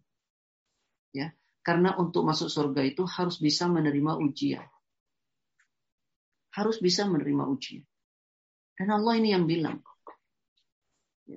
Coba renungkan Quran surat 2 214. Kita ini tidak mau diuji oleh Allah, ya, tidak mau diuji oleh Allah. Tapi kita pengen masuk surga. Padahal bagaimana kita mendapatkan surga tanpa ujian? Coba renungkan Quran surat Al-Baqarah 214 ya. Sudah ketemu? Ya. أعوذ بالله من الشيطان الرجيم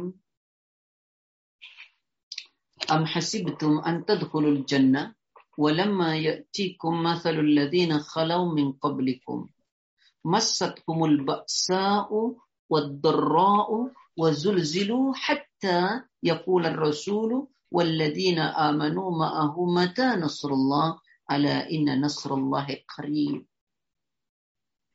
Apa kata Allah? Apakah kamu mengira bahwa kamu akan masuk surga padahal belum datang kepadamu cobaan sebagaimana halnya orang-orang dahulu sebelum kamu? Tadi saya bilang komentar surganya Allah. Makanya ayo direnungkan ini semua. Insya Allah kita bisa sabar dengan guncangan di rumah tangga. Dengan cobaan dan ujian. Jadi bagaimana kita akan masuk surga padahal belum datang cobaan kepada kita. Nah kita kadang-kadang nggak sanggup pada persoalan seperti itu. Dan ingat juga bahwa kata Rasulullah, besarnya pahala yang kita dapat itu berbanding lurus dengan cobaan yang kita terima. Saya ulangi, besarnya pahala yang kita dapatkan itu berbanding lurus dengan cobaan yang kita terima. Bukankah Rasul mengatakan, inna ya a'zamul jaza ma'a inna idhamal jaza ma'a idhamil bala. Besarnya pahala yang kita raih itu berbanding lurus dengan cobaan yang kita terima. Berbanding lurus okay, berbanding lurus. Nah, kemudian eh, selanjutnya agar kita bisa bersabar ya, begini. Ayo kita pahami dan kita renungkan betul-betul kalau Allah memberi ujian dan cobaan kepada kita, kita coba deh berpikirnya eh, berbalik. Selama ini kan kita bilang begini, Allah kayaknya nggak sayang, Allah kayaknya nggak sayang. Kenapa hidup saya begini? Kenapa rumah tangga saya begini? Allah nggak sayang. Coba kita balik deh cara berpikirnya. Ya, bahwa cobaan dan ujian yang Allah berikan kepada kita sesungguhnya adalah bentuk dekapan dan cinta Allah kepada kita. Saya ulangi ya cobaan dan ujian yang menimpa diri kita adalah sesungguhnya adalah dekapan dan cinta Allah. Kenapa saya bisa bicara begitu? Karena berapa banyak orang yang Allah kasih terus nikmat-nikmat lupa kepada Allah. Tapi saat Allah memberikan cobaan dan ujian, baru dia kembali kepada Allah. Seseorang misalnya yang melakukan kesalahan maksiat, Nggak pernah ditegur oleh Allah. Terus dia dalam kemaksiatan. Terus nggak berhenti. Bagaimana ketika mati dalam kemaksiatan? Tapi kadang-kadang justru diketahui, ditegur, baru dia kembali ke jalan Allah. Baru kembali ke jalan Allah. Yang aneh, tidak mau kembali. Itu baru aneh. Jadi saya mau ulangi bahwa cobaan dan ujian yang menimpa kita ini sesungguhnya bentuk cinta dan dekapan Allah untuk kita.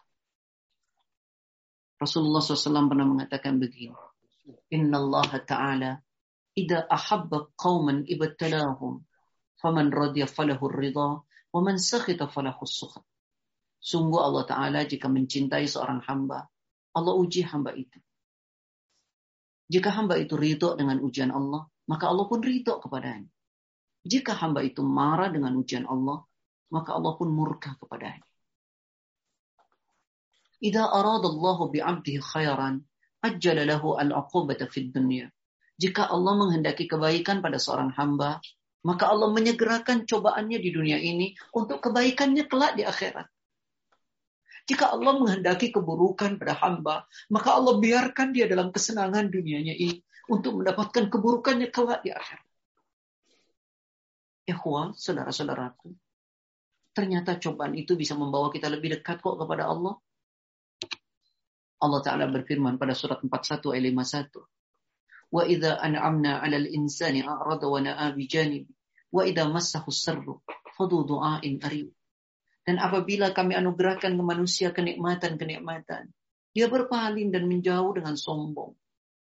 Dan apabila kami berikan cobaan, sesuatu yang gak enak, dia datang kepada Allah, dia berdoa, memohon, meminta kepada Allah. Kadang-kadang cobaan itu justru membawa kita dekat dengan Allah. Yang aneh adalah orang dicoba makin lari dari Allah itu aneh. Dia dicoba di rumah tangganya makin jauh dari Allah. Itu aneh.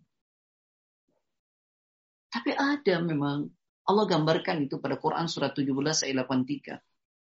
Wa idza an'amna 'alal insani a'rada wa na'a bi janibi wa idza massahu kana ya'usa kalau dia diberikan kenikmatan senang, senang, senang, senang, dia berpaling dan menjauh dari Allah. Dan ketika dikasih cobaan oleh Allah, dia justru putus asa. Mencari jalan yang salah. Mencari jalan yang keliru. Bayangkan, dikasih nikmat jauh. Dikasih susah juga menjauh. Ini hatinya sudah mati. Saat dikasih kenikmatan di rumah tangganya, dia jauh dari Allah. Saat dikasih cobaan, dia juga menyelesaikan dengan cara yang salah. Menjauh dari Allah. Ini hatinya perlu diperbaiki. Tayyib, ikhwani wa ikhwati fillah yang dirahmati oleh Allah. Saya ingin teruskan sedikit, boleh tambah sedikit ya waktunya sudah setengah sepuluh di sini Pak. Silakan. Sepertinya nanti tanya jawabnya jadi agak sedikit apa Karena anak tanggung Mbak. Gini, ayo kita sadari wahai suami, wahai istri, ayah bunda, adik-adik, ya, Pahami bahwa setiap cobaan dan ujian yang melanda di rumah tangga kita, kita pahami dengan hadis bahwa itu adalah penggugur dosa-dosa kita. Yang sebagaimana Rasul mengatakan, kata Rasul, An Abi Sa'id wa Abi Hurairah, dari Abi Sa'id dan Abi Hurairah, Ani Nabi SAW dan Nabi Muhammad SAW, Qala, ma yusibul muslim, tidaklah seorang muslim ditimpa min nasobin, apa ya, uh, sakitnya, wala was uh, nasabin tulati wala wasabin penyakit wala hammin kegelisahan wala hazanin kesedihan, wala ada gangguan, wala ghammin gunda, hatta syaukatu yushakuha, sampai uh, apa namanya uh, duri yang menghalanginya di jalan, illa kafarallahu biha min khataya. Kecuali semua tadi itu menjadi pelebur dosa. Mutafakun alaih. Coba kita renungkan ini cobaan-cobaan yang menerima yang terjadi pada diri kita. Wahai istri mungkin letih, mungkin capek, mungkin sedih, mungkin gundah. Sampai rintangan itu semua menjadi penggugur dosa. Tak ada khadimah ya, tak ada asisten, masa.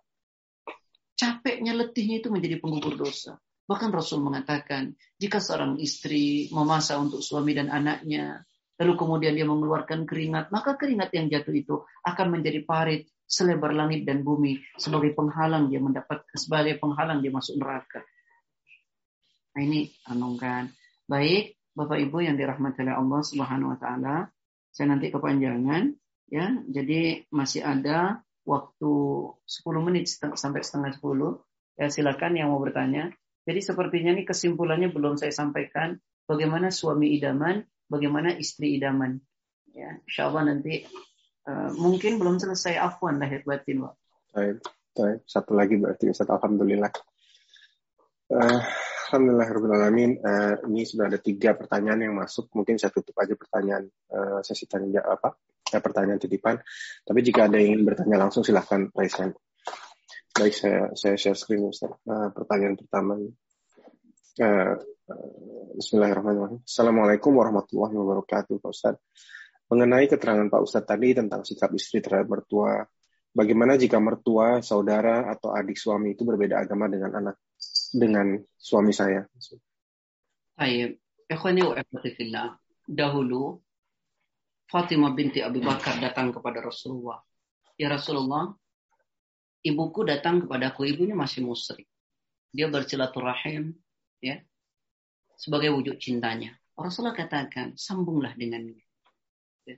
Jadi, walaupun ibu, kalau suami kita masih berhubungan dengan ibunya yang non-muslim, dengan saudaranya, dan dia baik, maka bagaimana? Tetap berbuat baik tentu yang sesuai dengan syariat dan tidak melanggar syariat. Semoga akhlak yang ibu tunjukkan, semoga akhlak yang bapak tunjukkan menjadi dakwah buat keluarga besar istri atau suami. Dan kita tidak tahu hidayah itu datangnya dari mana. Niatkan Anda berdakwah dengan akhlak Anda. Semoga mertua Anda mendapatkan hidayah karena ini. Dan kalau itu terjadi, pahalanya besar. Niatkan karena itu. Ya, teruslah jalin, teruslah berbuat baik. Ya, jangan memusuhinya.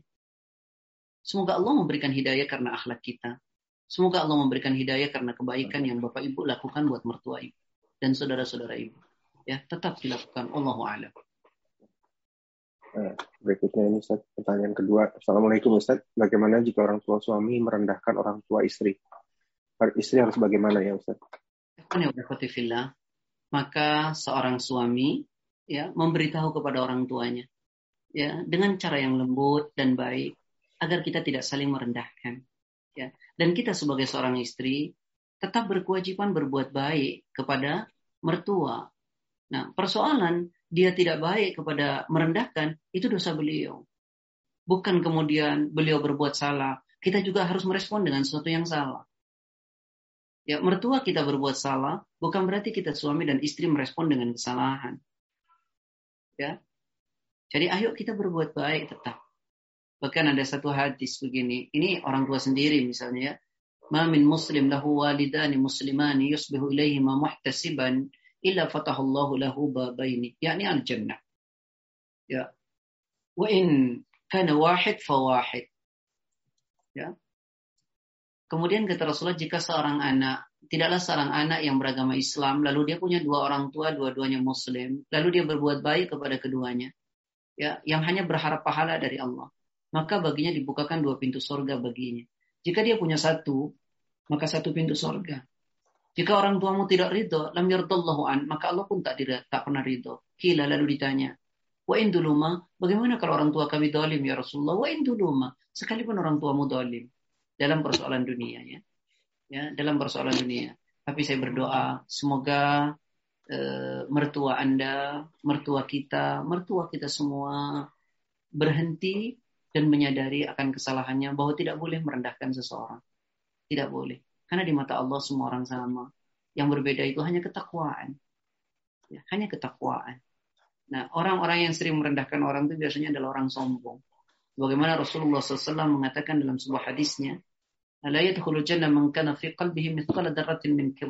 Tak masuk surga orang yang dalam hatinya ada kesombongan, walau hanya sebiji darah. Waqala rajul ada seorang laki-laki bertanya, "Inna rajula yuhibbu yakuna thabuhu hasanan wa na'luhu hasanatan." Faqala, "Inna Allah jamil yuhibbul jamal." Ya Rasulullah, bagaimana kalau ada orang sedang berpakaian bagus dan beralas kaki bagus? Apakah itu sombong? Kata Rasulullah, Allah itu indah, Allah mencintai keindahan. Al-kibru baturul haq, orang sombong itu ditutupi dari kebenaran. Wa nas dan suka menyepelekan orang. Ya. Sampaikan, ajak ngaji, sehingga insya Allah mudah-mudahan Allah memberikan hidayah dan sabar dan sadar. Tapi saya nasihati, wahai para suami, wahai istri, jika orang tua atau mertua Anda menjelekkan orang tua Anda, itu tidak baik. Bukan berarti kita harus membayarnya dan membalasnya dengan ketidakbaikan. Tetaplah kita balas dengan kebaikan dan sampaikan kepada ibu kita, kepada ayah kita, biarkanlah itu ujian. Dan mama, papa tidak akan rugi karena di akhirat kelak akan mendapatkan kebaikan dari beliau. Ya, kalau punya kebaikan, kalau beliau tidak punya kebaikan, maka kejelekan papa dan mama akan diberikan kepadanya. Maka balaslah mama ketidakbaikannya dengan kebaikan. Quran surat 2563, surat 41 ayat 34 35, maka niscaya Allah akan memberikan pahala yang sangat besar. Insya Allah akan.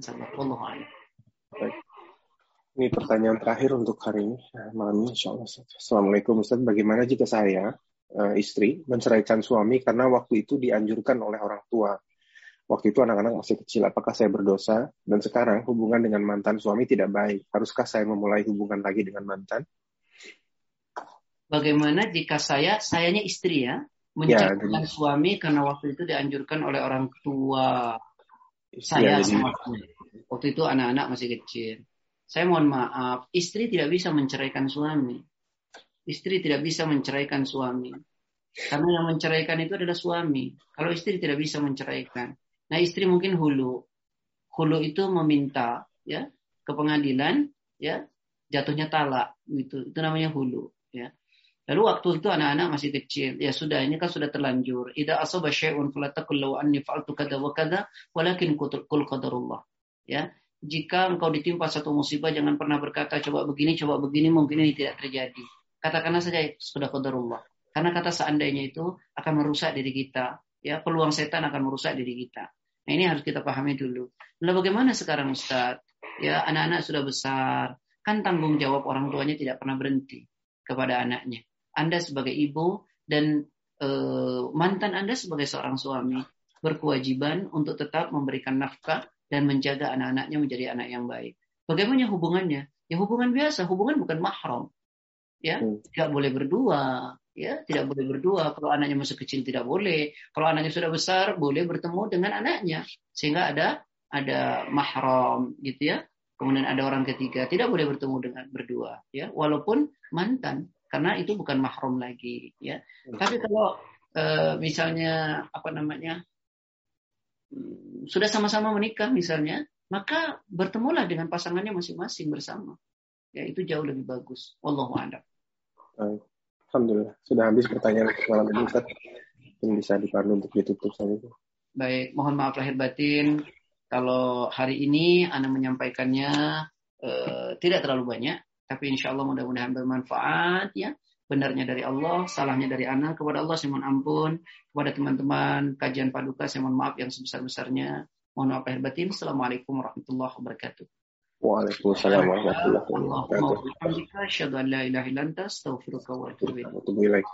Alhamdulillah Rabbil Alamin. Jazakallah khair Ustaz uh, atas waktu dan ilmunya. Insya Allah kita uh, sambung lagi di kajian berikutnya. Kami dari Rumah Dakwah Paduka mohon maaf jika ada kesalahan kekurangan baik dalam sikap maupun perkataan. Bila taufik wa hidayah. Assalamualaikum warahmatullahi wabarakatuh. Waalaikumsalam warahmatullahi wabarakatuh.